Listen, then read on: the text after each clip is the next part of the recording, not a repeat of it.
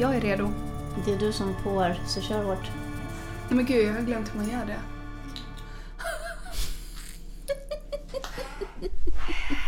Det blir ingen podd idag för Linnea har glömt hur man gör en god på. pratar. Hej Emilia! Hej Linnea! Hej Affe! En vink. Ja, vi är ju igång nu som tusan. Idag ska vi prata om Wheel of Time. Ja. Är du redo? Alltså du, du, det är liksom, du, du nästan så här, tar mig på sängen här nu bara. Liksom, du bara kastar dig på Men det är, det, det är ju min modus operandi, det är det jag alltid gör. Ja, det är sant. Vet du vad? Jag är redo för att jag har ju ehm, precis gjort en rewatch. Ja, och i morse skrev jag till dig Fan vad nice avsnitt ett är. Ja. Och när jag klev in här idag Mm. hade jag sett hela säsong ett. Så jag har också gjort en rewatch. Ja. Men på mitt sätt. Ja, Så fort. ja.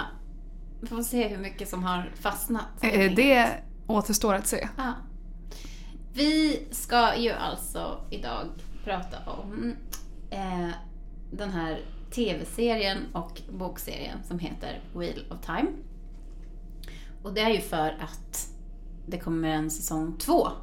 När det här avsnittet sänds så kommer ju antagligen säsong två vara in full swing. Så att Ja. ja. Första september kommer de tre första avsnitten. Ja. Ska vi säga någonting om... Vill du säga någonting om vad Wheel of Time är? Wheel of Time är en, eh, från början en bokserie. Mm. Kom vi fram till att det var 14 böcker. Ja. Som till största delen är skrivna av Robert Jordan. Mm. Men eh, de sista tre böckerna är skrivna av Brandon Sanderson. Mm. Som är en annan fantasyförfattare. Som skrev klart serien efter att eh, Jordan hade gått bort. Mm. Det var intressant för att du sa ju att liksom George R. R. Martin tydligen har blivit utsatt för någon typ av påtryckningar. Att han också ska göra då som Robert Jordan. Lämna anteckningar och... Lämna anteckningar så att en annan författare ska kunna liksom avsluta hans verk in case of his death. Mm. Och då hade George R. R. Martin sagt Nej. Jag tror att han har bara, nej jag kommer inte göra det, jag kommer inte lämna några anteckningar och ingen annan ska få göra färdigt det. Eh, och jag kan väl också känna att är man författare och folk hela tiden pressar en med anledning av att du är gammal och kan dö snart. Hur irriterad skulle man bli då? Man bara, vet du vad, snälla, om jag dör, då tar jag mig rätten att ta, dö och ta den här otroliga världen med mig. Ja, det Alltså- är hans... Ja. Alltså, jag hade backat det så hårt. Han Ja. är ju inte skyldig någon någonting. Absolut inte. Han har redan gett oss mer än tillräckligt. Ja, Ja. men... Eh, ja, det är kul. Och vi har ju inte läst böckerna så vi kan ju inte säga någonting om resultatet. Nej, och alltså det som är lite sorgligt med att vi inte har läst böckerna känner jag nu i det här läget. Det är också... Klia är här idag. Och hon har precis fått en flip-out här för att hon tycker att livet är så underbart. Hon har någon form av zoomies. Hon har en zoom här inne med en toffla i munnen. Klia, gå och lägg dig. Gå och lägg dig. Ja, mamma ska prata om Wheel of Time, det är viktigt. Ja. Så föredömlig hund. Ja, du är duktig. Nej men när jag växte upp så läste ju jag och mina syskon jättemycket fantasy. Och Wheel of Time är ju exakt en sån. Alltså första boken kom väl 1990. Den måste ju ha kommit senare på svenska men på 90-talet översattes ju allt till svenska. Mm. Så den kan ju, det kan ju bara ha varit några år senare som den kom till svenska. Säkert. Linnea sträcker sig efter datorn med sina långa fingrar och googlar Wheel of Time till svenska. Den heter ju då Sagan om drakens återkomst på svenska. Jäkligt poetiskt. Eh, och jag kommer ju ihåg då att min bror läste alla de här böckerna. De hade ju inte kommit hela serien då, men de som fanns läste han. Vilket år? 92. 92. 92 ja, kom den ut på svenska. Jävlar, de var snabba på 90-talet alltså. Ja, de var- Är den utgiven av B. Wahlströms också till svenska? Ja, det, det, jag hittar inte. Nej. Ja, men de var snabba och eh, han läste ju dem. Jag kommer ihåg att de låg liksom överallt i vår lägenhet och skräpade. Och jag kommer ihåg de här liksom episka avsnitten. Och också den här liksom texten, alltså den här överskriften. Liksom så här. Sagan om drakens återkomst, bok 1, bla bla bla, 2, bla bla. Med de här liksom otroliga bilderna av alltid någon häst typ, eller någon man i en kåpa eller en mantel typ. Och alltså 90-tals omslag till fantasyböcker. Det är det finaste vi har. Det är det 80 och 90-tal. Det är det finaste vi har. Finaste vi har. Ja, det är det finaste vi har. Men jag kan känna att jag kommer ihåg då att jag var så här, mm, Typ tyckte att det kändes som att det var lite för så killig fantasy. Ja. Och att det var typ därför som jag aldrig tror att jag plockade upp det. Mm. Men nu känns ju det lite fel med Mm. tanke på att det ändå är väldigt många väldigt liksom framträdande kvinnliga karaktärer i de här böckerna. Men jag fick Mm. liksom inte alls den uppfattningen då. Nej. Av någon anledning. Alltså jag känner sen vi startade den här podden så är jag så här, varför har inte jag läst mer fantasy när jag var liten? Men jag inser att det är för att jag är för enkelspårig. Att Ja. jag läser ju bara samma sak Du gillar om bara en grej. Ja, men det ändras ju nu va? Ja, det är nu det händer. Mm. Men jag kände tvärtom att så här, jag har läst väldigt mycket fantasy men, och det får man ju vara glad för för att det är ju väldigt svårt att hinna med att läsa så mycket. Alltså, skulle- hur fan ska man hinna med att läsa en bokserie på 14 böcker nu? Det tar ju 14 år. Ja, det, alltså, det, man har ju ändå lite annat också att Ja. göra in life.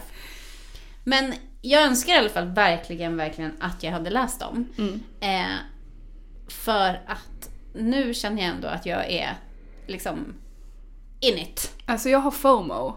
Mm. Jag känner mig liksom, okej, Bok-FOMO. ja, ja och, äh, det positiva med att inte ha läst böckerna, Mm. det är att man kan uppskatta tv-serien på ett helt annat sätt.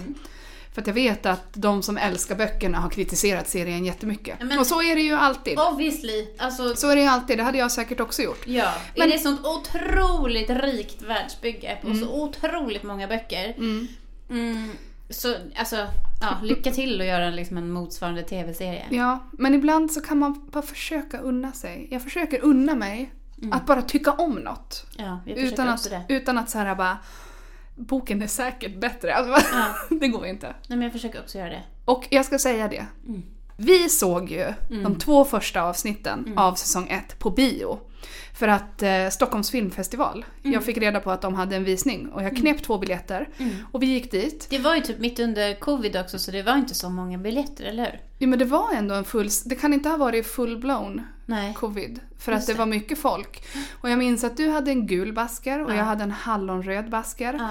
Och folk kö, vi köade ju in till bion. Och folk hade mantel på Ja. sig. Och jag kände att jag älskar att ha basker. Men i den stunden ville jag hellre ha en mantel.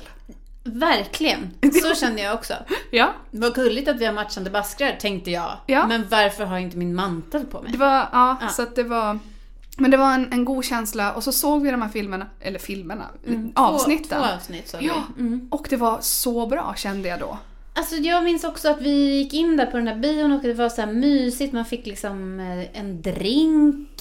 Eh, och sen så satt vi också bredvid en liksom kille som var typ 18 år. Som hade rest. Nej men alltså shout out till dig om du är lyssnare av Fantasyklubben. Alltså för att han hade rest från typ Skåne. Mm. Och bara, jag älskar de här böckerna Ja, mest jag av älskar allt. de här böckerna. Jag, så jag har rest hit för jag kunde bara inte missa och liksom eh, att eh, få höra på det här. Och eh, det var så himla fint. Det var vi hade så liksom ett fint. så mysigt samtal med honom och så här. Och sen så såg vi ju avsnitten.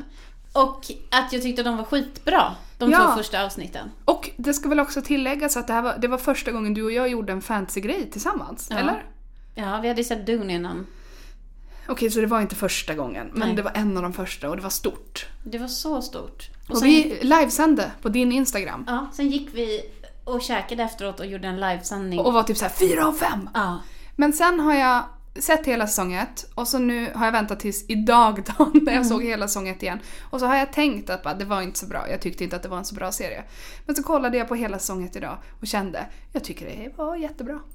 Vet du vad? Jag kände precis likadant. Men jag kände också att när jag såg de två första avsnitten så kände jag så här, de här är så bra. Och det tredje avsnittet är inte alls lika bra. Nej. Så att man tappar ju, de tappar faktiskt jättemycket. Mm. Det är några avsnitt som är väldigt bra, som står liksom ut. Mm. Och sen är det några avsnitt som är ganska röriga Ja. och liksom rätt det blir för mycket direkt, det är för många olika storylines. Alltså det blir liksom som blir lite utvattnat typ. Mm. Så det vart ju ett väldigt hopp från att ha varit på den här otroliga liksom, biografen och bara haft allt det här myset och bara kommit därifrån och varit såhär, ja ah, men fyra och fem, gud det är så bra. Jag kommer ihåg att vi tyckte kostymen var jättebra och det tycker jag fortfarande när jag kollat att det är skitfin kostym. Mm. Um, men att då när man kom hem och såg liksom avsnitt tre så bara, nej det var ganska Men, tråkigt. men det är det som är grejen, att vi måste få se all fantasy på bio. Ja. Då kommer allt få fyra av fem eller högre. Ja, absolut.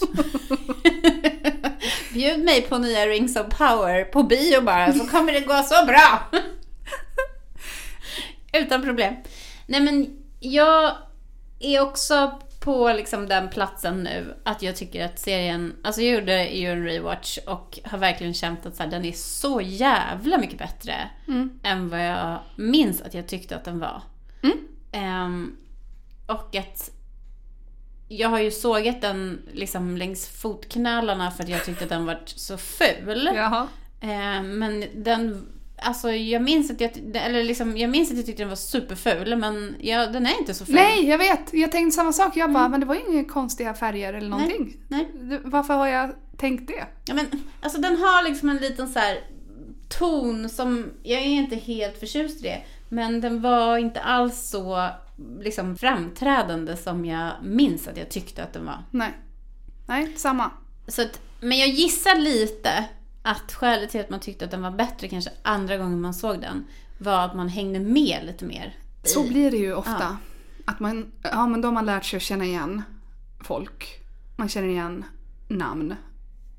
Men det är ju väldigt mycket i alla de här världarna. Mm. Så är det ju liksom, jag menar det, det säger sig självt liksom. Är det 14 böcker som ligger som underlag för det här.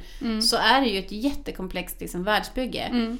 Och det säger ju sig självt att det blir ju liksom väldigt mycket. Men det är ju så otroligt mycket. Det är ju liksom, jag menar hela de här, hela liksom den här världen, hela liksom premissen för den här världen, liksom, efter vad- vad jag har förstått och bara av att se serien, handlar ju om att eh, det finns en liksom urkraft, en one power. Eh, och den, eh, för liksom länge sedan så kunde både kvinnor och män använda sig av den här kraften och liksom utföra magi med hjälp av the one power. Men sen var det då Liksom för att hela den här världen har ju precis som alla andra fantasyvärldar en, en liksom, en, det är en kamp mellan det som är ljust och det som är mörkt. Ja. Och den, det, i den här serien är det ju verkligen the dark one. Liksom. Det, är en, det, det är mörkret. Eh, och det finns en utvald person. Det är väl liksom hela... Alltså, det, det finns många olika pelare i den här berättelsen men ett av de här, en av de här pelarna är den här utvalda personen som kallas för the dragon. The chosen one. Ja, det är väldigt fint. Ehm, och sen så är det ju då också att hela den här världen bygger på det här hjulet. Alltså the wheel of time. Där människors själar liksom reinkarneras. Alltså att... Oj, blev det åska nu? Det såg ut som en blixt förut. Så jävla konstigt. Åh gud! Vilket mys! Nej men att det, det är den här liksom själen som återföds och som liksom hamnar i det här hjulet.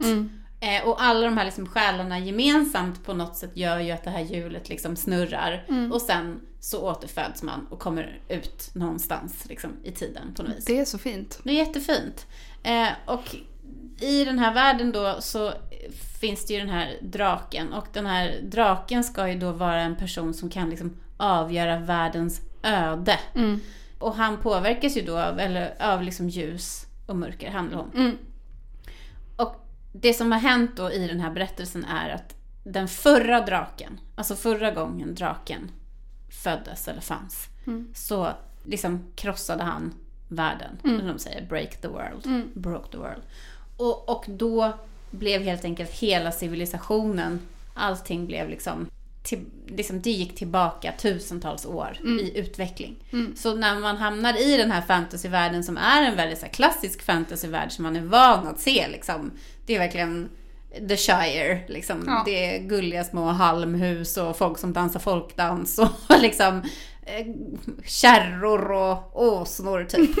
eh, då är det egentligen liksom att de har varit mycket längre fram i sin utveckling men de har liksom blivit set back då liksom tusentals år. Och det, det tycker jag är en ganska spännande liksom premiss Ja, för en berättelse.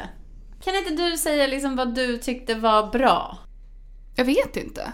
Nej, det är Ett som gott- vanligt. Ja, det är Ja. exakt som vanligt. Ja. En god vibe, en god känsla. Ja. Ehm, det var kul, jag ska bara säga en sak som jag inte tyckte var bra. Men Ja. det är att du gillar kostymerna och det gör jag också. Ja. Förutom i slutet, att The Dark One har Ja, en vit kostym! skjorta. Han har kostym! Att, att de har valt en svart jacka Nej, jag gillar inte vit. det. Nej, och Nej. då har han frack på sig. Det, Alltså, alltså, det, det, det, men det, jag tror ändå att det hör ihop med den här utvecklingsförflyttningen då. För Mm. att, eh, liksom, vi kan komma till det längre fram, men att jag tror, alltså i den sista eh, avsnittet så får man ju se en glimt av vad den här, hur det såg ut innan ja. de liksom åkte tillbaka tusentals Mm. år i sin utveckling. Och då har ju också den här, alltså The Dragon, Mm. han har ju också en typ av vit eh, kostym. Ja. Liksom. Så jag tror att det är för att i, han kommer från en annan tid liksom, Mm. och i den tiden ha, hade de andra kläder. Fråga. Mm. Det är en scen, en man som har typ mörkblått guldbrodyr, så en kvinna i vitt. Mm. Är det en tillbakablick? Ja precis, det är ju... Alltså, för då tänkte jag också, ja, varför har han alltså som... det är original dragon då. Ja exakt, för jag Eh. bara varför har han så moderna kläder? Ja, men, och det då får man ju också se, när de tittar liksom ut genom fönstret, Mm. så får man ju också se de här flygande skeppen och det. Just det. Ja. Så det är ju därför. Det är så här bra jag är på att hänga med i sakerna tydligen. Det har bara tittat lite väl snabbt här kanske. Nej men det är vad jag tror är förklaringen till det. Att det är ju för att det är den här tillbakablicken för den här liksom original dragon som heter då Loose. Mm. Eh, någonting. Och som spelas av en svensk skådespelare. Ja, Alexander Karim. Det är alltså han och Fares Fares som är med. Mm. Fares Fares tycker jag ändå... Jag tycker det är fint att någon har uppfattat att hon har en fantasy-aura. Jag älskar det. Mm. Han är också med i Star Wars. Exakt. Mm. Känns som att han har liksom hamnat i det här facket nu. Och jag älskar det. Ja, Ett fack man vill vara i.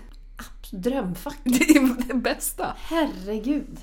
Men då köper jag, alltså din teori om kostymen då, Ja. den köper jag rakt av. Ja. Och då, tycker jag, då har jag inga problem med Men den. för det tycker jag också man ser i, alltså i trailern för säsong två. Mm. Så ser man ju också Randall Thor då som liksom, han har ju på något sätt han har ju också någon typ av uppdaterad kostym Mm. i den nya trailern. Och den känns också som att den är liksom lite mer futuristisk då, men helt enkelt från forntiden. Nice. Mm. Men var det någonting annat som du liksom kände som stack ut för dig? Eller var det... Alltså någonting som känns rätt nice, Mm. det är ju som du nämnde tidigare att det är ju mycket kvinnliga karaktärer. Mm. För att vara fantasy från 1990-talet, Mm. tänker jag. Mm. Nu har jag inte läst böckerna. Men det är gött. Ja. Man gillar ju Aes Sedai. Man Ja. tänker, vilken färg hade jag velat vara? Och sen Ja. tänker man blå, för att det är huvudkaraktären. ja. Grön. Vad gör de? De är ju liksom warriors. Ja, Ja. verkar jobbigt. Men de får ju ha också flera guardians. Det är nice. Mm. Och röda är Det är de manshatare. Som... Ja, det är manshatarna. Mm. Mm. Gula är helare. Ja, men jag tycker hela den här uh, Aes Sedai, liksom kulturen, Mm. hela den grejen är ju jättespännande. Mm. Och där kan man ju också känna att man blir lite ledsen att man inte har läst. Ja, För att man vill liksom se, utforska det mer. ja. För jag tycker den har liksom, ja men det, det, det, det är en väldigt fin liksom idé, hela grejen. Men de har ju också, tycker jag, på något sätt så bildsatt den fint i Ja. serien. Alltså det är fint med de här olika färgerna och det är fint med liksom The White Tower, det här runda rummet och liksom Mm. kläderna är fina och hur de liksom har alla de här olika, liksom, de har ju, alla har ju olika dräkter, de har ju inte liksom en uniform Nej. utan alla har ju liksom en personlig dräkt. Och Moraine Sedai som är ju kanon! Rosamund Pike. Alltså, God dag. Ja, goder dag vad bra hon är. Ja, hon är Hon har ju någon så jävligt nice så här axel, Mm. eh, liksom läderaxel eh, grej som är skithärlig. Mm. Så de har ju liksom som olika så här läderkorsetter och läderskärp och hej och. Men hon har ju den här axelgrejen som är skitsnygg. Svinnice är det. Ja. Så det, det har de ju liksom gjort fint. Men en grej som jag tänkte på nu när jag gjorde den här rewatchen. Det är ju också, och det blir jag också väldigt nyfiken på att man skulle liksom vilja läsa. Det är ju att det verkar ju ändå som att de har använt ganska mycket originaldialog. Mm. Alltså, och det är ju mycket dialog, eh, liksom i början är det ju mycket monolog av Moraine. Mm. När hon liksom pratar om vad som har hänt och hur världen liksom blev, eh, alltså hur han liksom broke the world och Mm. som är jättefin, alltså så här språkligt. Mm. Och det är ju väldigt fint, liksom ett fint språk tycker Ja. jag. Som de har använt sig av på många sätt. Ja, Och det gillar jag. det gör du. Mm, det intresserar mig. Nej men det intresserar mig mycket. Sen så, eh, apropå den här scenen då som du sa, den här scenen när The Original Dragon pratar med The Ameline Seat. Mm. Så har de ju också skrivit ett språk för serien som är liksom old tongue. Mm. Som inte är med i boken. Alltså i boken finns inget skrivet Nej. fantasyspråk. Nej. Som det finns i många andra, alltså som Tolkien har mycket eget liksom, skrivet språk och så Ja. vidare. Det finns inte i Så den det här de- originalboken tydligen. Och det tycker jag är så kul tanke med fantasy och filmatiseringar. Mm. Att det finns liksom jobbmöjligheter för människor att hitta på ett språk. Ja, Alltså i Game of Thrones också, i Wheel of Time. Mm. Nu, alltså, tänk. Ja, mitt arbete är att hitta på ett språk. jo men det, här- jag såg ju den här intervjun, för jag såg ju en sån behind the scenes från Wheel of Time som finns på Amazon Prime också, som bara är så korta. Mm. Men där var det då hon som var dialogcoach som berättade om hur hon hade utvecklat det här språket. Det var, ja, men det var faktiskt spännande att höra tycker jag. Mm. Nej men, jag tycker att det finns några saker som är liksom... De sakerna som jag har fastnat för nu när jag gjort den här rewatchen är bland annat språket och namnen. Liksom. Jag tycker de är väldigt fina. Mm. Sen är det ju att det är många kvinnliga huvudkaraktärer. Mm. Och att det är liksom jättefin representation. Ja, Och att den känns ju helt liksom osökt. ja, Helt okommenterad. ja. Ehm, och det, liksom, det känns ju bara som att det är väldigt så här uppdaterat. Mm. Alltså bra fantasy som ska, som ska visas nu. Liksom. ja. Och en sak som jag gillar jättemycket är att i alla fall jag har inte sett de här skådespelarna i någonting annat. Nej. Rosamund Pike har jag sett. Ja, Annars är det och Fares Fares. ja. Men det är ändå nice att det är en ganska stor del av den här casten som är, för mig i alla fall, helt okända. Ja, det är jättenice. Alla är ju väldigt snygga. Mm. Och alla tjejer är ju väldigt smala. Mm. Återigen. Men de känns inte så botoxade Mm. eh, och opererade. Ehm, det är väl någon, och annan som sticker ut lite kanske. Men annars så tycker jag att de känns väldigt så här att de har liksom inte så generiska utseenden. Nej. Känns som att de har ganska speciella utseenden. Alltså hon som Ja. spelar Egwene, hon känns ju som att hon har så här, hon har någon liksom pigmentfläck så här på läppen och hon har någon liksom födelsemärke på näsan och så här. Som ger henne liksom jättefin och spännande karaktär. Ja. Eh, och hon som spelar Nynaeve är ju bara helt liksom otrolig. Jag håller med. Ja. Underbara. Jag kom på en sak faktiskt som jag tänkte på idag. Mm. När jag tittade. Ehm, och det är det här roliga man gör, eller jag gör, när jag läser eller tittar på fantasy. Att jag ofta försöker, eller att man ofta ser och känner igen saker från andra fantasyverk. Mm. Och jag tyckte att det finns rätt mycket vibes med ehm, eh, The Name of the Wind. Ja! Dels, dels, Det var exakt vad jag tänkte! dels att Talk, alltså, nu ramlar Affe av stolen och det bara vrålade in i... Ja. men dels alltså, Talk to the Wind, eller vad de säger. Mm. Det är ju en solklar. Mm. Men också eh, att Rand har ju rött hår. Mm. Och att det är väldigt speciellt att när de träffar... vet- Oath. nej, när de träffar, vad heter han? I stan. Han är en ogre. Ja, han som är The Builder. Han säger ju ja ah, men du är ju av det här släktet för du har rött hår. Loyal. Eh, och huvudkaraktären i Name of the Wind Mm. Är ju också speciell. Alltså hans röda hår är också speciellt. Och så sen så har vi ju... Jo men jag menar i Name of the Wind så är ju hela grejen, eller inte i Name of the Wind utan i Wheel of Time så är ju grejen man får reda på ju sen att han är ju en sån Aiel, alltså en sån krig, ett krigarfolk då. Att Precis. han har det här röda håret. Och så sen också att ehm, i Name of the Wind så har vi ju Edema Rue Mhm. som är The traveling, traveling people. people. Mm. Vi har ju traveling people i Wheel of Time också. Jag tror heter Tuatha'an. Och de kallas också för Tinkers. Ja. Och Tinkers är också någonting som förekommer i Name of the Wind. Och då googlade jag lite och var så här, har ehm, Patrick Rothfuss inspirerats av Wheel of Jordan. Time? Och då var det någon som bara, nej jag tror inte det, jag tror att de bara har dragit alltså, inspiration från liknande kulturer och liknande historia. Mm. Det kan ju säkert stämma, men han måste väl ha inspirerats av det, eller? Alltså- Alltså, det känns väl som att det vore givet. Alltså, menar, första liksom... Alltså första Wheel of Time kom väl typ, i och för sig tio år innan Name of the Wind, eller? Name of the Wind är utgiven typ 2001. 2007 kom Name of the Wind. 2007, ja. ja. men då kanske han var lite väl långt in i skrivandet redan. Men jag håller verkligen med. Jag tänkte jättemycket på det där med Tinkers och Traveling People. Och det är kul, för sånt gör att man typ känner igen sig. Men tror du, eller vet du om, att, om Rand i böckerna är a true redhead, som då quoth i Name of the? Eh, Jag ska googla det här åt dig. Mm, Okej, tack. För att i Name, alltså i Name of the Wind så är ju det verkligen ett, någonting som nämns liksom fler, flera gånger, att han är a true redhead. Men i, och i serien Wheel of Time så pratar de ju också om hans hårfärg som att han är då IL, alltså warrior people. När man får upp, men gud nu kommer jag få så mycket spoilers. Åh nej! Nej men när man får upp fanfiction-bilder på honom Ja. så har han rött hår. Ja, Eh, blue grey eyes and dark hair with a reddish tinge. okej.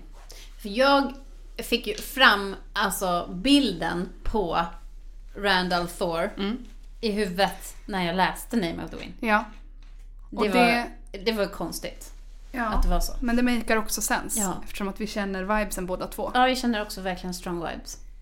Ja, det var en, det är en intressant... Men samtidigt så känns det som att så här, det är ju jätteklassisk epic heroic fantasy båda bokserierna. Liksom. Så att det, är inte, och det känns som att de verkligen innehåller alla de här liksom, klassiska elementen av som en fantasy-roman ska ha. Liksom. Ja. Det är kanske därför man gillar Name of the Wind så mycket. Att den är så himla klassisk. Ja men den är så Ja. som den ska vara.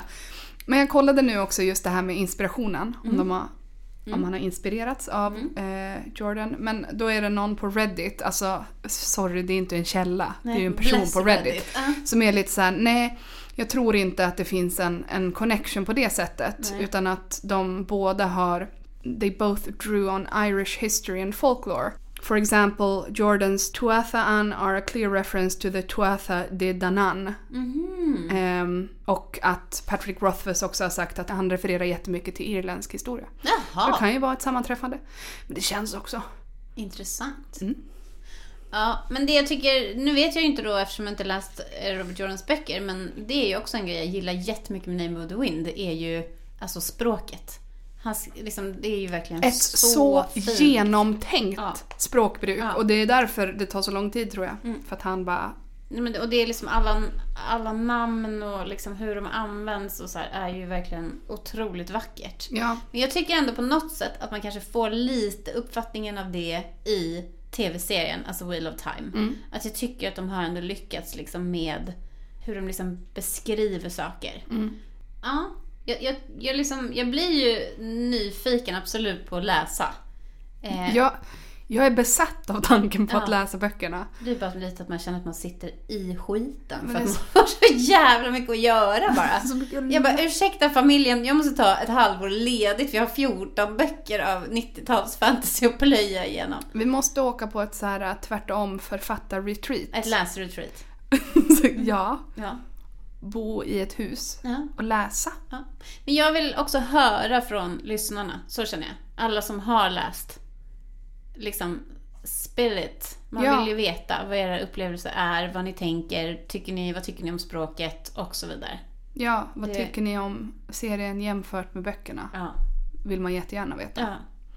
Men det, det är också det är kul just för att jag nästan alltid tycker jag att böckerna är bättre än Ibland kan man läsa en bok först och så ser man en film eller serie sen och man tycker att boken är bättre. Ibland Mm. ser man en film eller serie först och sen läser man boken. Men boken vinner alltid ändå. Jag tycker man boken är bättre också. Alltid. Ja. Men det är ju för att man får den här liksom bakgrunden Mm. på något vis. Mm. Det är ju, jag vet inte, det är ju också det som är så liksom otroligt med att ha den här podden och den här klubben. Liksom. Mm. Att så här, det finns saker i ens liv som känns så jävla liksom destruktiva. Mm. Alltså så här, saker som man bara gör för att alla andra gör dem eller för att Mm. man har någon så här uppfattning om att man ska göra det på ett speciellt sätt eller liksom man bara eller liksom, man jobbar för mycket eller man kör för mycket Instagram eller liksom Mm. scrollar för mycket. Eller så här. Men att läsa känns aldrig som att det är, för mig i alla fall, det finns säkert folk som bara läser och läser och läser och inte får röven ur och kan Som göra inte kan någonting sluta. annat. Jag vet inte. Men jag tycker i alla fall att, att läsa känns alltid som en så otroligt positiv och Mm. vacker upplevelse. Mm. Och att det är så värdefullt för liksom, hjärnan, för ens språk, för ens liksom, men för att kunna prata och förstå och relatera liksom, till Mm. andra människor. Mm. Och om det är någonting som jag verkligen liksom hoppas att jag kommer kunna ge till mitt barn Mm. med all den här fantasy-peppen som vi kör hemma hos oss. Mm. Vilket är så jävla gulligt hur liksom otroligt engagerad han är i mitt fantasyintresse och hur mycket han kan men- om fantasy eh, nu. Att jag hoppas att jag kommer liksom ge honom att han börjar läsa Ja. och liksom slukar böcker. För Ja. det, det är liksom så fint. Det är det finaste vi har. Ja, så liksom, oavsett om man ska sätta sig då och läsa 14 liksom, fantasyböcker från 90-talet. Mm. Feel no shame. No shame. No shame. Läs sönder. och njut. Men alltså apropå Migge. Mm. Höjdpunkt i somras. Emilia smsade mig och bara... För att det har ju kommit ett nytt Zelda-spel. Mm. Tears of the Kingdom. Jag spelade ju ut det på typ två veckor. Alltså det är så sinnessjukt. Jag sov inte. Men det var det värt. Jo, jag sov. Ehm, men så hörde Emilia av sig och bara eh, Migge och Erik behöver hjälp med Zelda. Och jag bara ja. Så Facetime on mig. Hade Migge Spiderman-målning. Ja. Ja, han hade En gammal Spiderman som Ja. som satt kvar i flera dagar. Och han bara hej, hur får man Master Sword? Mm. Och jag bara kunde berätta det. Mm. Och det var så starkt att vara Zelda-konsult. Mm. Han håller på här nu med sina champions, kan jag berätta. Legend. Nej, men det, snacka om att det är legend för mig att kunna säga ni kan ringa till Linnea. för hon är liksom specialist på detta. Det känns ju rätt fett alltså, måste jag säga. Ja. För mig med. Ja, men det, jag tänker bara på det här med att läsa att det är det är fan det finaste vi har. Mm. Och en sak till som jag har tänkt på jättemycket den här sommaren. Liksom, jag läser ju också andra böcker Mm. än fantasy. Och det jag har tänkt på på sistone är liksom att det finns något typ rum Mm. när jag läser fantasy i mig som blir liksom helt tyst för att där jag liksom bara kan gå in i berättelsen och bli liksom medtagen i berättelsen Mm. Och inte måste liksom hålla på hela tiden och liksom försöka så här samtidsanalysera eller så Nej. här omvärldsanalysera allting. Nej. Som när jag läser liksom samtidsromaner eller liksom, ja men det behöver inte vara en modern roman, men romaner som handlar om verkligheten Mm. liksom.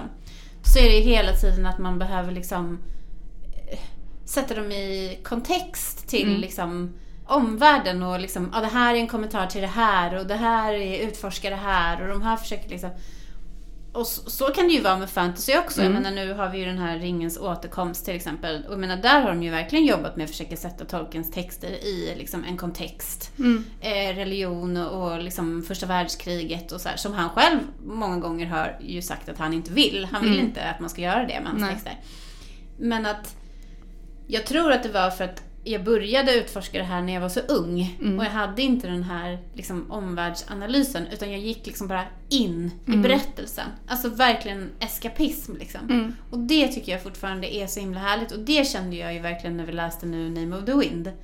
Att det var det som hände med mig. Att jag Mm. hamnade där, i berättelsen. Liksom. Och inte att jag hela tiden behöver tänka, Åh, vad är det här för kommentar till eh, samtida feministisk debatt typ. Nej. Alltså, det är inget fel med det. Nej. Men det är utmattande att behöva läsa på det sättet. Ja. Och det finns någonting så jävla fint med det här bara som sköljer över en och bara tar med en. För jag tror inte på något sätt att det egentligen gör att man får mindre verktyg att göra de här analyserna. Nej, det är, ja, jag håller med. Och det är den där känslan man vill ha. Varje fantasybok jag läser letar jag ju efter det där som gör att det känns som att ingenting existerar förutom jag och den här boken. Mm. Ja, men det är verkligen det finaste vi har. Det är det. Alltså det... Och liksom, självklart går ju det att uppnå till viss del med liksom tv-serier och film också. Mm. Speciellt om man är på en plats där man är liksom extra mottaglig Mm. för att kunna ta in det. Liksom. Mm. Som du var när du såg Lord of the Rings första gången till exempel. Jag var så mottaglig. Wide open! Det är ändå någonting väldigt speciellt, det som händer i ens egen liksom, läsprocess. Mm. Det är verkligen speciellt. Men tillbaka till tv-serien. Mm. En sak som jag tycker är jättefint Mm. med tv-serien är ju relationen mellan Moraine Sedai och hennes eh, Guardian, Lan. Lan. Heter det Guardian? Eller heter det... Warden, tror jag de kallar det för. Ja. Vad är det de säger? Att the bond between an Aes Sedai and her warden is the strongest bond. Mm.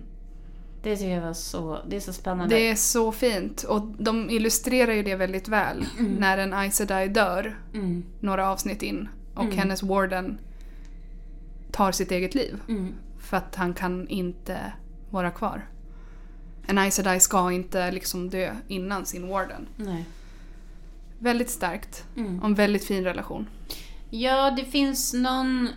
Eh, vid något tillfälle i ehm, serien så säger de ju liksom att det här bandet är starkare än mellan eh, alltså kärlekspar. Mm. Men också starkare än mellan barn och förälder. Mm. Det tyckte jag var så jäkla eh, häftigt. Alltså att kombinera de två liksom, Verkligen. relationerna. För det är ju nästan alltid de två som vi mäter med. Liksom. Mm. Det här är en värdefull relation, två personer som är kära i varandra. Och det här är en värdefull relation. Alltså så här, Mm. Den starkaste kärleken man känner, det är kärleken till sitt barn. Mm. Liksom, det är det starkaste i universum. För mig som förälder tänker man ju direkt såhär, nej men det går inte, det finns inga starka band. Men att de ändå gör det påståendet. Mm. Det finns. Det här bandet I är den- starkare. I den världen finns Ja, det. det är så jävla mäktigt! Men också mäktigt på något sätt att det inte sj- självklart ska då betyda att de måste vara kära i varandra och Nej. vara i en kärleksrelation. Nej. Det är också underbart. Att det inte behöver vara givet. Men också lite stökigt att vissa verkar vara det och vissa inte. Det var Men- också men det- lite härligt. Ja, och det, Ja. men det känns också rimligt. Ja. Att det är klart att alla inte blir det, men några blir det. ja. Känns liksom Ja, men mänskligt. också som att Rand vill ju bli Egwenes Ja. warden. Och det är ju också jättefint. Ja. Och, och, eller när Lando säger till Nynaeve att när hon bestämmer sig för att hon ska bli en Aes Sedai Ja. och att han säger I will hate the man you choose. Den är, det är ju också så sjukt fint. Och typ I will love him if he makes you laugh. Eller vad han Ja. säger. Det är ju speciellt den här liksom, eh, kärlekshistorien mellan Nynaeve och Lan. Mm. Ju, just för att han är Moraines Mm. warden. Mm. Och att på liksom ett plan är han ju inte mottaglig för Nej, några liksom andra band. nej. Men sen så blir han liksom ändå det. Och en annan sak angående det som jag gillar, det är att de hade också lätt kunnat göra det att det fanns liksom en eh, fientlighet mellan de två kvinnliga karaktärerna. Men det gör det ju, men inte på grund Jo av men, det. jo, men det finns ett tillfälle när, vad heter hon? Moiraine Mm. säger till han I like her. Att hon, hon säger liksom rakt Mm. ut, jag gillar henne. Men Också, men hon säger det ju verkligen insinuerande ju att Alltså för det är ju i samband med att hon säger så här att han ska gå och säga sina goodbyes. Ja. Eh, och då säger han Alltså hon visar ju för honom tydligt att hon har förstått att de Ja. har en romans liksom. Men jag tyckte ändå att det var nice att hon sa det. Jo men Moraine är ju en liksom sympatisk karaktär. Mm, det och det tyckte jag också var lite fint med den här serien. Att det kändes som att man faktiskt fick se en karaktär som kändes som att den var sympatisk. Mm. Och inte höll på att fucka upp och var så jävla liksom eh, så här oprotagonistisk på Nej. något sätt. Alltså hon är ju verkligen mer liksom av en hjälte, eller liksom en renare hjälte Mm. typ. Och på något sätt var det lite uppfriskande. Ja. För man har ju sett så många så kvinnliga karaktärer, men typ Jennifer i The Witcher, som man bara såhär, bleh, sluta Ja. vara en sån idiot. Typ. Att- Gör någonting bra Skönt, istället. skönt att kunna se att, att det finns någon som kan göra en stark kvinnlig karaktär som man tycker om. Ja, och som också kanske så här, lite att, man, att det känns lite skönt att så här, få lita på någon karaktär. Ja. För att det blir, det är ju det är ju väldigt mycket så i alla liksom, serier och böcker. Och så här, det går så mycket fram och tillbaka så man kan liksom inte liksom vila riktigt Nej. någonstans. Men jag, alltså, nu när vi sitter och pratar om det känner jag man vet fan aldrig vad som händer i nej, framtiden. nej, och det är det jag menar. Alltså, menar. Nu har hon ju förlorat sin... Det sista som händer är ju att Mm. han tar ifrån henne, alltså The Dark One tar ju ifrån Moraine sin makt. Mm. Och i, det gjorde han ju också i samband med att hon hade maskerat det här bandet mellan sig och Lan. Det är så hemskt. Ja, det är så fruktansvärt. Alltså det är ju som... Alltså vilken jävla... För att det finns en scen när eh, Lan säger att han tappade bort... Alltså Moraine säger så här, vi hade de här fyra personerna och sen tappade vi bort dem. Och så säger han så här, nej det var jag som tappade bort dem. Och då tar hon hans hand och säger så här, dina misslyckanden är mina misslyckanden. Det tycker jag var så otroligt berörande att tänka så här, gud tänk om man skulle ha en person som man kunde dela allting med på det sättet. Ja, Alltså så fruktansvärt fint. ja. Men då på slutet när hon är avskärmad från liksom the one power. Då har ju hon maskerat bandet mellan sig och Lan och när han ber henne att öppna det här bandet Så kan hon inte. så kan hon inte. Och hon är helt ensam utan sin warden och utan sin kraft. Hemskt. Och hon är i exil. Hon får inte gå hem. Nej. Nej men det är, en, det är otroligt starkt och liksom jag, jag vet ju inte alls hur väl det stämmer överens med vad som händer i böckerna. Men som karaktärsutveckling så är det jättespännande att se Mm. vad som händer i nästa... Och det är så spännande och jag hoppas att det är bra. Ja. Man vet ju aldrig. Nej. Lex Witcher. Men såg du också den här liksom, eftersnutten som var på slutet med The Dark One när de har det här mötet och han... Det här barnet som kryper in under bordet. Nej, Nej. jag hann inte se det den här gången. Nej. Det är ju, man, man förstår ju att det är en väldigt stor värld. Mm. Och att den liksom expanderar hela tiden. Mm. Och generellt skulle jag säga att det liksom inte är så positivt tycker jag. Nej. För alla fantasy-serier. Att det bara blir mer och mer och mer och mer Vänta. hela tiden. Ja. Så att de liksom bara lägger till saker. Ja. Och sen är det det och sen kommer det och sen kommer det Hearthstone och sen blir det och sen kommer det mer folk från öster och folk från väster och det liksom. Mm. Så det är väl lite det man kan hoppas att det inte ska bli för rörigt. Nej. Men det är också, fantasy generellt är ju rörigt. Ja, fast jag tycker också att så här, liksom, the father of all fantasy, alltså man bara går tillbaka till Tolkien. Liksom. Det är klart, det är, det är ju väldigt, väldigt, väldigt rörigt. Och det är extremt mycket. Och det är väldigt mycket liksom, namn och platser och allting. Samtidigt som han har lyckats göra en film, alltså Peter Jackson gjorde ju en film med liksom hur många roller är i den filmen? Det är nio skådisar och det är de, hela filmen. Typ. Mm. Ja, sen är det lite arméer och sådär. Ja. Men eh, det är ju ändå en väldigt contained story Ja, det är det verkligen. på många sätt. Så att det känns som att det är någonting med att man vill passa på att liksom visa upp Ja, hur och det, mycket man kan göra. och det liksom. blir jobbigt. Ja. Både Witcher och Wheel of Time känner jag ibland bara, vänta, Mm. jag, förs- jag förstår inte nu.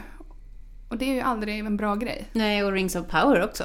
var ju också jätterörigt. Jag har liksom glömt bort. Ja, man Rings gör ju det när man matar in huvudet fullt med någon ny serie. Liksom. Ja. det. Nej men alltså, Witcher tycker jag ändå har fallit på plats väldigt mycket i och med att man börjat läsa böckerna så man plötsligt förstått Mm. att så här, okej, det här är förvirrande. Det är inte bara att Nej. jag har uppfattat det som att jag, alltså att jag blir förvirrad. Mm. Det är också att de vet inte hur de ska få ihop det här i serien så de har liksom lämnat det lite öppet. Ja. Och när man har läst böckerna så finns det ju många svar. Så här, Jaha, det var så här det var. Okej, that makes sense. Typ. Varför har de inte gjort så i serien? Det, det är säkert likadant i Wheel of Time. Mm. Fanns det någon annan relation som du tyckte mycket om? Eller mindre om kanske? Nej, inte spontant. Jag tyckte ju den här kärleksaffären mellan The Amelin Seat och Moraine var jätte... Den är stark. Ja, den var jättehäftig. Mm. Det kan ju inte vara lore. Tror du det? Ha ihop det med chefen. Ja, och vilken chef sen. chef, chefen över alla. Ja, chefernas chef. Suan Sanche. Liksom huvud Aes Sedai. Det var ju... Um, alltså vi, jag, jag är ju jätteförtjust i den karaktären. Och hon som spelar henne också. Mm. Tycker hon är liksom en äldre, sexig kvinna. Det är underbart. Ja. Och desto mer spännande också att vi fick en liten eh, miniprofetia. Att det är hon som kommer bli hennes downfall. Moraines. Ja, men det säger ju sig självt lite kanske. Ja. Alltså, när det kommer ut, ja, då blir det kaos. då blir det kaos. Då kommer hon med kindbenen Blir riktigt arg. Ja, Leandrin. Då kommer hon flippa fullständigt. Mm, det kommer Hon hon. är ju också en jäkligt spännande karaktär. Ja, det är hon. Men tror du att hon ser ut sådär eller tror du att det är operazione? Nej, jag tror hon ser ut så. Jag har ju suttit, kan jag säga, med botoxglasögonen på. Men jag, jag tycker att Tar du, all, du tar väl aldrig av dig dem? Nej, men jag, jag försökte liksom skruva upp dem till och med. För att jag tyckte att det var svårt att se. Ja. Alltså hon som spelar då Syan, alltså The Amerlin Seat. Hon är ju så otroligt vacker. Tänkte jag, men det där måste ju vara... Alltså något måste ju vara gjort där. Men sen tänkte jag, nej men fan, det kanske inte är det. Nej. De allra flesta har ju garanterat botox. Alltså Ja, de- Rosamund Pike lär ju också ha. Ja. Ja.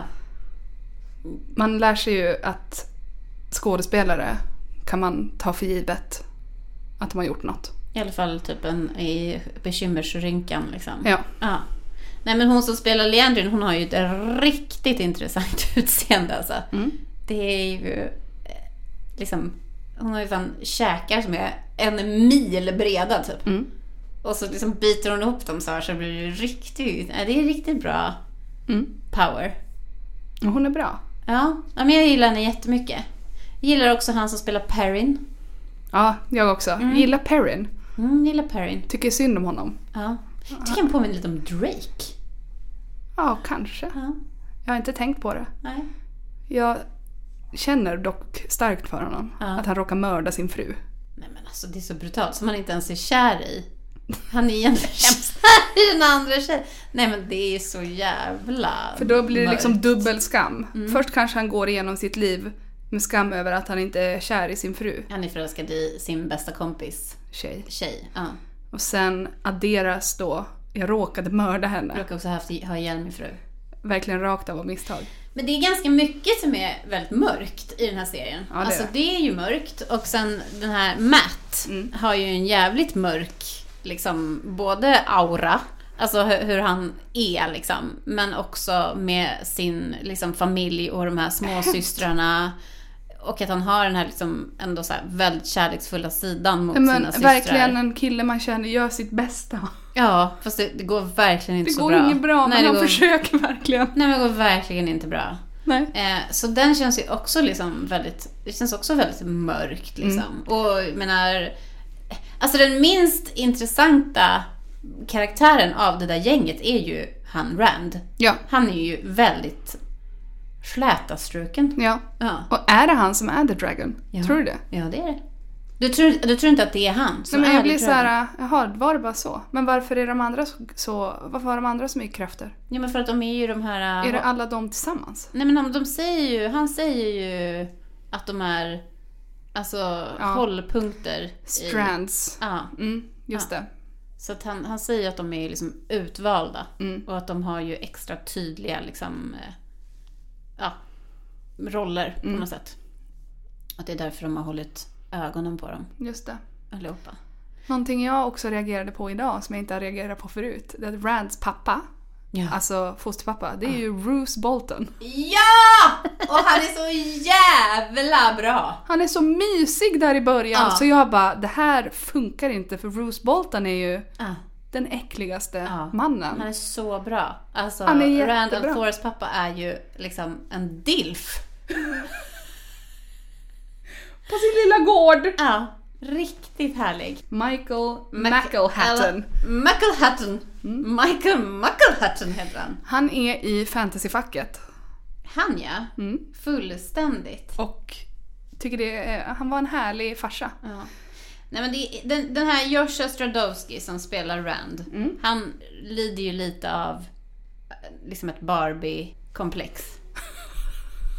På något vis. Ja. Han är, han är ju liksom lite Ken-docka. Ja. Fast han är då rödhårig. Alltså, i nästa säsong Mm. verkar han ju också vara så fruktansvärt deffad. Jag, jag såg någon bild Ja. idag och bara... åh. Ja, man bara usch. Så det, ja, vi får väl se vad vi, vad vi landar med den. Nej, men jag, är, jag längtar så mycket nu. Jag har en sista liksom grej. Mm. Det var ju flera skådisar i den här serien ändå. Alltså bland annat Borman från Willow dök ju upp där Ja, just också. det. Ja, så det var ändå lite så. Men en sista grej som jag har, som jag faktiskt tänkte att jag skulle prata om. Mm. Och jag vet också att det finns önskemål om att jag ska göra ett helt avsnitt om det här. Och det ska jag göra. Och det avsnittet kommer heta Fantasy och förlossningar. Mm. Men alltså, den förlossningsscenen. Alltså vänta, jag spolade tillbaka när han sträckte ut handen och hon tittade på honom. Tar och bara, handen. tar handen! Och sen... Alltså, jag vill bara säga Mm. att av alla förlossningsscener i all fantasy som jag har sett så är det här den absolut mest katastrofala och minst liksom trovärdiga. Alltså, det är liksom... Det är inte ett existerande liksom, eh, faktum att man strider på det viset Nej. och samtidigt liksom har ett aktivt verkarbete. Nej. Och sen bestämmer man sig för att sätta sig ner och liksom klämma ut barnet som på kommando. Alltså, Nej men nej. det löste sig ju när han höll henne i handen. Ja, tur att han kom. Fast jag hade också glömt att det var Bruce Bolton som kom där. Ja. Så när han tog av sig hjälmen, jag bara va? Men ja, jag- alltså, jag måste säga att det var inte min favoritscen. Jag Nej, förstår alltså, liksom själva... Jag tycker ju att den är, eh, det värsta är när hon tar kniven i sidan. Ja. Och jag bara, men nu är det ju över. Ja, nu är bara, det nej, över. det är nej, inte nej, över. Det ska ut. Barnet ska ut. Också dessutom att hon är jättesmal, så här Mm. och har liksom en så supergullig liten kula typ. Mm. Men då är hon också samtidigt höggravid och ska föda. Om man vet någonting om födandets fysiologi så vet man att det fungerar inte att föda i in the middle of a battle. Utan då avslutas liksom, då, då stannar födandet av. Men Emilia, det är fantasy. Ja. Det, jag tycker ändå det är kränkande. Jag tycker att det, jag skulle vilja se en, en bra förlossningsscen i fantasy. Där har de lite att fylla tycker jag. Vilken är din bästa? Alltså vet jag har ingen men tills det här, alltså, tills att jag ska göra avsnittet ska jag ta fram både det ena och det andra. Mm, ser fram emot. Den, den är liksom, jag kan ju inte säga att den är liksom up there med scenen i Twilight. Det är det ju inte. Det är min, det är min bästa. ja, det är din absolut Det är bästa. min bäst, mest realistiska Ja. bästa. Ja, en riktig pangförlossning. Fem av fem.